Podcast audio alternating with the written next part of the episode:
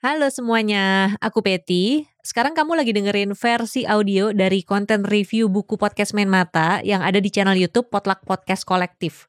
Jadi kalau kamu mau lihat versi videonya, bisa langsung ke sana dan sekalian subscribe juga boleh. Jangan lupa follow juga di Instagram ya, @potluckpodcast. Oke, selamat mendengarkan beberapa kalimat yang menurut kita mungkin kedengarannya sederhana gitu ya, tapi itu tuh bisa jadi malah nusuk banget loh buat orang lain. Misalnya kayak, kok kamu sampai ngecewain aku kayak gitu sih? Atau kalau kamu lebih mentingin kerjaan, mendingan kita putus aja. Nah, kamu pernah denger nggak nih kalimat-kalimat kayak gini? Atau mungkin pernah ngalamin sendiri? Kalau misalnya iya, mungkin apa yang aku pelajari dari buku Emotional Blackmail karya Cho Muji ini bisa berguna buat kamu. Nah, sebelum lanjut ke bukunya, aku mau ngenalin sedikit penulisnya dulu ya. Jadi, Cho Muji ini tuh seorang psikolog konseling yang dia tuh juga punya kantor konseling sendiri. Terus selain itu dia juga menjadi kolumnis nih di beberapa majalah misalnya kayak Business Weekly, Marie Claire, dan lain-lain. Terus selain emotional blackmail ini, dia juga udah menulis dua buku lainnya, ada Relationship Black Hole dan juga They All Say You Should. Nah, nggak cuman berkecimpung di dunia psikologi dan juga nulis buku aja ya. Chow Muji ini juga jadi vokalis untuk orkes folk metal namanya Crescent Lament. Sekarang kita lanjut ke bukunya ya. Jadi menurutku, buku Emotional Blackmail ini nih cocok buat kamu nih yang sering kali ngerasa nggak puas gitu sama diri sendiri dan mengedepankan orang lain secara berlebihan. Selain itu, buku ini juga bakal ngajak kamu untuk menengok kisah-kisah yang mungkin bisa bikin kamu kesel dan sekaligus sedih juga gitu ya, karena perlakuan tokoh-tokoh di dalam ceritanya. Nah, penerbitnya juga ngasih catatan nih yang berbunyi, buku ini mengangkat isu sensitif, jadi mohon kebijaksanaannya saat membaca. Makanya sebelum baca buku ini, usahakan mood kamu lagi bagus atau nggak lagi down ya, biar kamu tetap bisa fokus mencerna isi bukunya. Secara garis besar, buku ini tuh ngebahas tentang hal-hal sederhana yang bisa bikin seseorang mengalami pemerasan emosional. Makanya nama judul bukunya juga emotional blackmail gitu ya.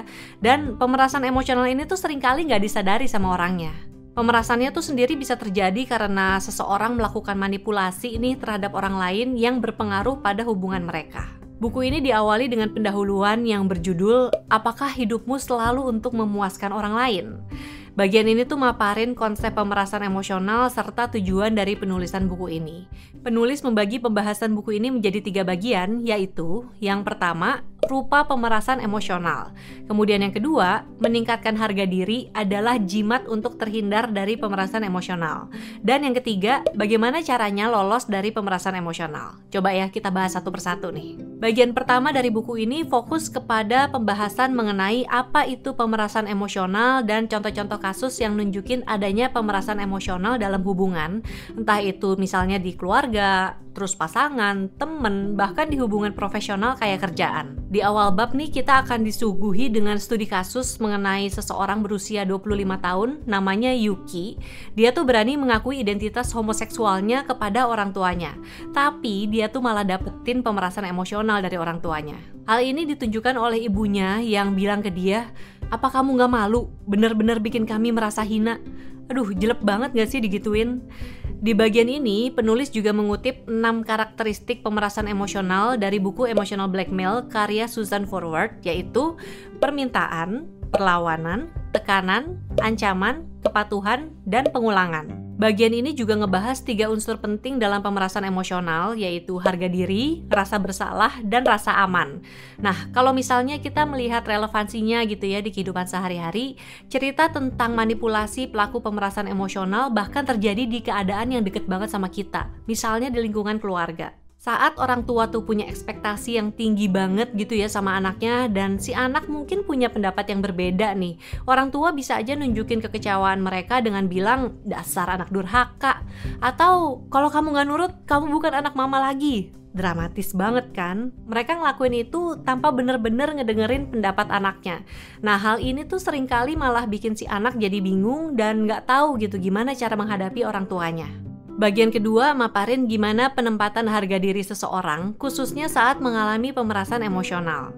Di bagian ini penulis nekenin nih perbedaan antara percaya diri dan harga diri. Penulis ngasih penjelasan bahwa percaya diri adalah sebuah sikap yakin pada kemampuan diri, sementara harga diri itu berarti evaluasi diri dan penerimaan atas evaluasi itu, serta sikap menghormati diri sendiri. Orang dengan harga diri rendah memang lebih rentan gitu ya mengalami pemerasan emosional karena dia tuh nggak punya kemampuan untuk mengapresiasi diri sendiri atas apa yang telah dilakukan. Selain itu, budaya juga memang berpengaruh banget nih terhadap adanya pemerasan emosional. Misalnya pada kasus Yuki gitu ya, di mana homoseksual itu tuh masih dianggap tabu oleh keluarganya. Di bagian ini, penulis juga mengatakan bahwa kita tuh bertanggung jawab atas suasana hati kita sendiri. Konsep ini tuh kayaknya berhubungan ya dengan dikotomi kendali yang ada di filsafat stoicisme. Jadi kan ada hal-hal yang bisa kita kendalikan yang kebanyakan ya memang berasal dari diri kita sendiri, yaitu pikiran kita. Dan juga ada hal-hal yang nggak bisa kita kendalikan, yaitu hal-hal di luar diri kita nih. Misalnya kayak mood seseorang, reaksi orang terhadap pernyataan kita, dan lain sebagainya. Kalau misalnya kamu pengen tahu lebih lanjut juga tentang filsafat stoicisme ini, aku udah sempet ngebahas nih di beberapa video ya, buku-buku terkait filsafat stoicisme. Nanti akan aku taruh video-videonya, link-linknya itu di deskripsi video ini, kamu bisa tontonin. Lanjut lagi ke bukunya ya.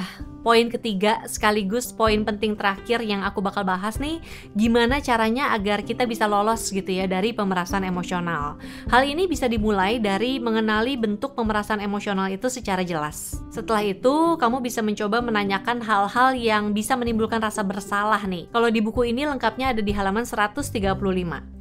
Selanjutnya, kamu bisa mencoba membangun batasan emosional. Ini artinya kamu punya tanggung jawab penuh atas emosi dan perbuatan yang kamu lakukan. Hal ini bisa dimulai dengan melakukan komunikasi ini dengan diri sendiri lewat menjawab pertanyaan-pertanyaan yang mungkin cukup mengganggu perasaan kamu ya saat ini. Misalnya, hubungan manakah yang saat ini sedang membuatku tertekan atau saat berinteraksi dengan orang lain gitu ya? Apa sih yang biasanya membuat aku tuh gak nyaman? Bagian ini memberikan latihan-latihan yang bisa membantu kamu untuk meningkatkan harga diri dan juga terhindar dari pemerasan emosional jadi menurutku nih, buku ini memang cocok dibaca oleh siapa aja ya, khususnya orang-orang yang sering punya masalah dalam menghargai diri sendiri. Buku ini bisa menjadi referensi nih untuk melatih diri agar nggak terlalu fokus untuk memuaskan orang lain tanpa juga kita memikirkan apa sih yang sebenarnya kita inginkan. Buku ini cocok untuk dibaca anak remaja, orang dewasa, bahkan sampai orang tua gitu ya. Pokoknya siapa aja yang sering kali punya pertanyaan tentang perasaan-perasaan yang kurang menyenangkan nih yang kita hadapi saat kita kita berhubungan dengan orang lain. Siapa tahu kan, dengan membaca buku ini kita tuh bisa dapetin perspektif baru gitu ya dalam melihat hubungan kita dengan orang lain. Dan buku ini memang sebaiknya dibaca berurutan biar kita bisa mendapatkan insight-nya secara menyeluruh. Nah, seperti yang tadi aku udah bilang di awal juga, jadi kalau kamu mau baca buku ini, bacalah saat mood atau perasaan kamu tuh lagi baik-baik aja gitu ya. Karena beberapa cerita mungkin punya kedekatan sama kamu nih yang siapa tahu punya masalah yang sama gitu ya, bisa membuat luka lama kembali terbuka atau malah bikin kamu jadi overthinking. Jadi pastikan kamu memang lagi baik-baik aja, kondisi kamu lagi oke okay pas baca buku ini. Aku rekomendasiin banget sih buat kamu baca buku ini. Kalau misal kamu tertarik, ini bukunya diterbitkan oleh penerbit Haru. Dan nanti link ke buku ini kalau mau beli akan aku taruh di deskripsi video ini juga. Oke, sekian dulu video kali ini. Terima kasih sudah menonton. Kalau misalnya kamu suka dengan videonya, boleh di like. Kalau tidak suka, di dislike juga tidak apa-apa. Tapi kalau kamu merasa video ini bermanfaat, share videonya ke media sosial biar teman-teman kamu yang membutuhkan juga bisa menonton. Dan terakhir, jangan lupa subscribe channel YouTube Potluck Podcast Kolektif. Tekan tombol lonceng notifikasi biar nggak ketinggalan kalau ada video terbaru. Dan follow di Instagram at Potluck Podcast. Sampai jumpa lagi. Dadah!